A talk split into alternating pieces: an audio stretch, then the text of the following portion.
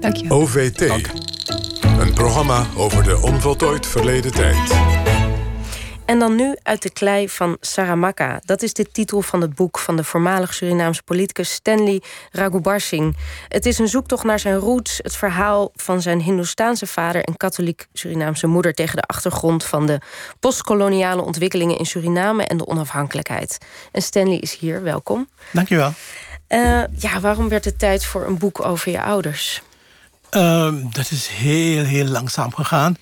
Uh, het, het het idee om er iets over te zeggen uh, kwam langzaam. Mijn ouders vertelden in het verleden wel eens over hun jeugd en waar ze vandaan kwamen.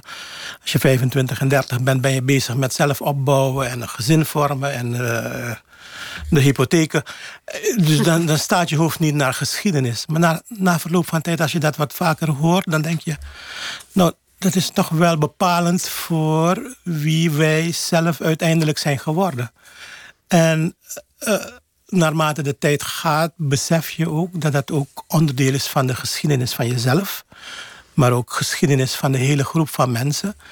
En dat het de moeite waard is om te vertellen. Ik heb dus uiteindelijk verteld. Er zijn meer argumenten bijgekomen waarom het nuttig was, belangrijk was om dat, uh, dat op papier te, te, te zetten. Mm -hmm. De geschiedenis van Suriname en van de mensen is niet alleen de geschiedenis van de slavernij, hoewel er terecht heel veel aandacht aan gegeven wordt.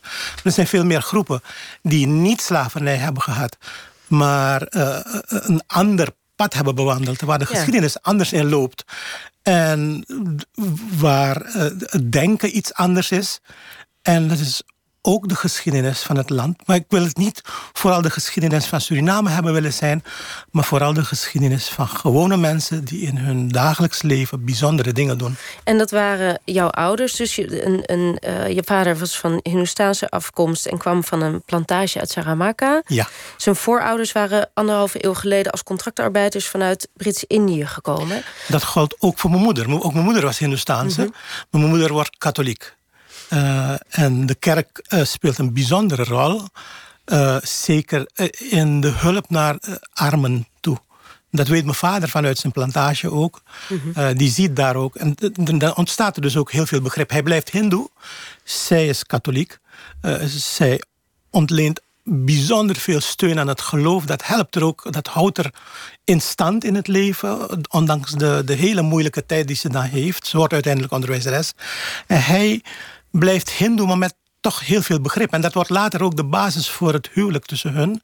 Die, het huwelijk van, uh, van uh, en plantage en stadsleven, dus ruraal en, en, en urbaan, van Oosterse en Westerse cultuur en van verschillende religieën, Hindoeïsme en katholicisme.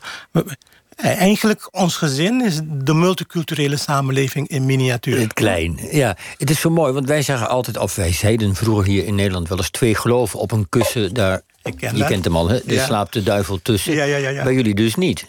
Nee. Nee, nee. Als, ik, als ik hier praat met, met oorspronkelijke Nederlanders, met blanke Nederlanders, dan zeggen die heel vaak: dat moet je meer vertellen. Want uh, dat, is, dat is toch het thema, een van de thema's hier, de multiculturele Hoe doe je dat? En ik denk, ja, wat moet ik ervan vertellen? Want dat, was, dat is ons normaal. Uh, ja, ik, ik weet niet anders. En als, als dit boek gelezen wordt door mensen uit Surinaamse kringen, is de eerste reactie ook: ja, ik ben blij dat het er staat.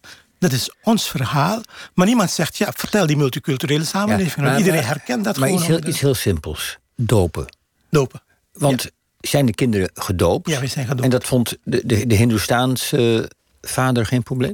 In ons gezin was dat geen probleem. Je ziet dat bij de familie van mijn moeder...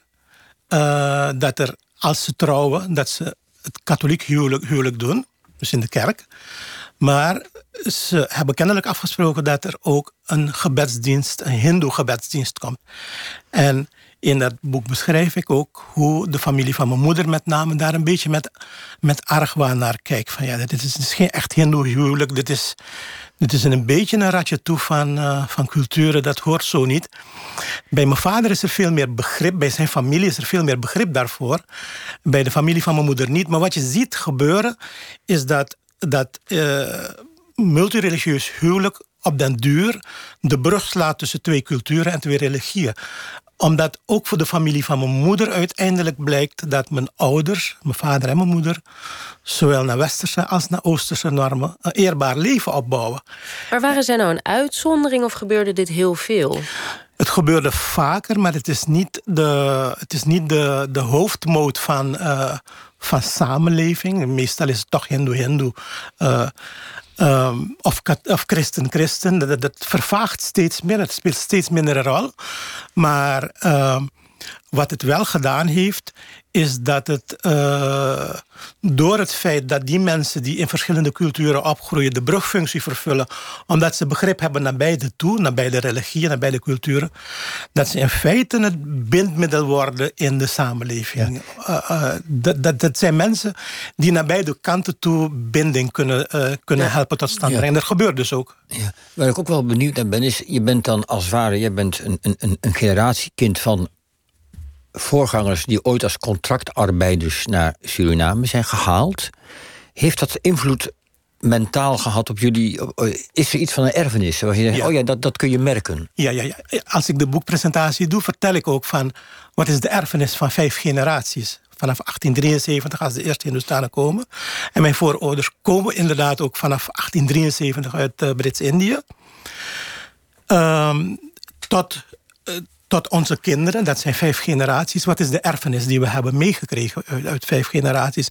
En vaak, dat is zonder belerend te zijn, maar wat, wat drijft mensen? Wat, wat maakt dat, uh, dat we zijn wie we zijn? En dan komen de goede lessen uit beide culturen. Uh, uh, en beide religieën komen dan, springen dan in het oog, die komen naar voren. Waarom, waar komt de spaarzaamheid vandaan? Waar komt het vandaan dat je uh, dat je geen last van de gemeenschap moet zijn, maar een bouwer van de gemeenschap. Uh, uh, dat, dat, dat hele gedachtegoed komt, komt, ja. komt daar En, en wat heeft dat dan te maken met dat je van oorsprong van contractarbeider bent geweest? Wat, wat is de vormende waar? Oh ja, het klinkt zo naar, maar wat, wat, wat, wat is dan het speciale wat juist die eigenschappen, spaarzaamheid, geen last zijn, uh, veroorzaakt? Uh, ik begrijp de vraag niet goed. Nou, ik bedoel, je zegt het heeft te maken met dat we contractarbeiders zijn als vader. Die erfenis niet, niet is per se contractarbeiders. Oké. Okay. Uh, maar, maar, dat je vanuit.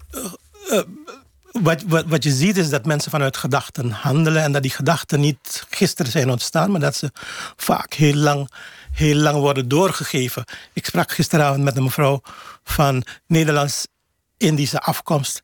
En die zei: Ja, maar inderdaad bij mijn ouders werd het ook verteld en ik had niet in de gaten dat dat daar vandaan kwam. Maar je, je loopt ermee en je weet niet dat het, dat het ergens vandaan komt. En die zoektocht naar mijn ouders heeft inderdaad mijn ouders veel beter doen begrijpen.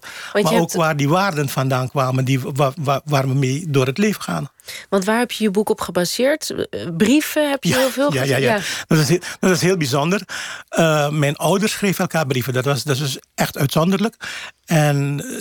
Uh, omdat zij onderwijzeres was en uh, gedetacheerd werd op, uh, op best ver weg, op een dagreisafstand, 250 kilometer verder. En hij bleef in Paramaribo, dus staat mijn vader. Die was kleermaker in Paramaribo, mijn moeder onderwijzeres in, in Nikeri. En die schreef elkaar brieven. Dat was de manier van communicatie. 56 van die brieven zijn bewaard gebleven.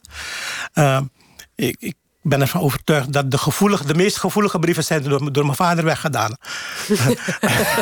Je heeft die alvast... Uh... Die zijn weggestaan. Maar er zit, genoeg, uh, er, zit, er zit genoeg emotie uit de brieven. Zie je hun, uh, de groei van hun relatie. Je ziet de ruzies. Maar ook waar ze elkaar erg ondersteunen in de brieven. Waar hij er zegt... Mijn moeder is best gedeprimeerd af en toe in het leven ook door de, de hele, hele moeilijke gang. Heeft moeten vechten voor onderwijs. Maar hij, uh, hij, hij steekt dan een, een, een hart onder de riem en zegt: Jij zult niet ongelukkig worden als andere familieleden, omdat jij een zelfstandig beroep hebt en jij verdient je eigen inkomen. Er zijn meer brieven. Dus het is, een, ja, dus is eigenlijk een ontroerende familiegeschiedenis in het klein... maar het vertelt ook echt iets van binnenuit over Suriname... en uh, ja. wat er allemaal... Met name als het om de onafhankelijkheid gaat en maatschappelijke vraagstukken. Het verhaal is echt verbonden en ingebed in maatschappelijke ontwikkelingen. Ja. Uh, is het zo dat het van binnenuit verteld wordt. Dat het niet is dat historici of dat het uit de kranten komt, maar dat zij dat uh, zelf vertellen. Het is authentiek met de gevoelens van onzekerheid en angst. Ja, goed. Hartelijk dank, Stanley, voor je komst. Uit de klei van Saramaka is uitgegeven bij Boom in Amsterdam. En uh, je hebt het geschreven onder een pseudoniem, hè? Ja. Kan je het even zeggen? Ja, ik heb een, ik heb hem voor Nederlandse begrippen een hele moeilijke achternaam, Raghubar Singh. en ik heb hem geschreven onder de, het pseudoniem K.R. Singh. Goed, vanaf deze week verkrijgbaar.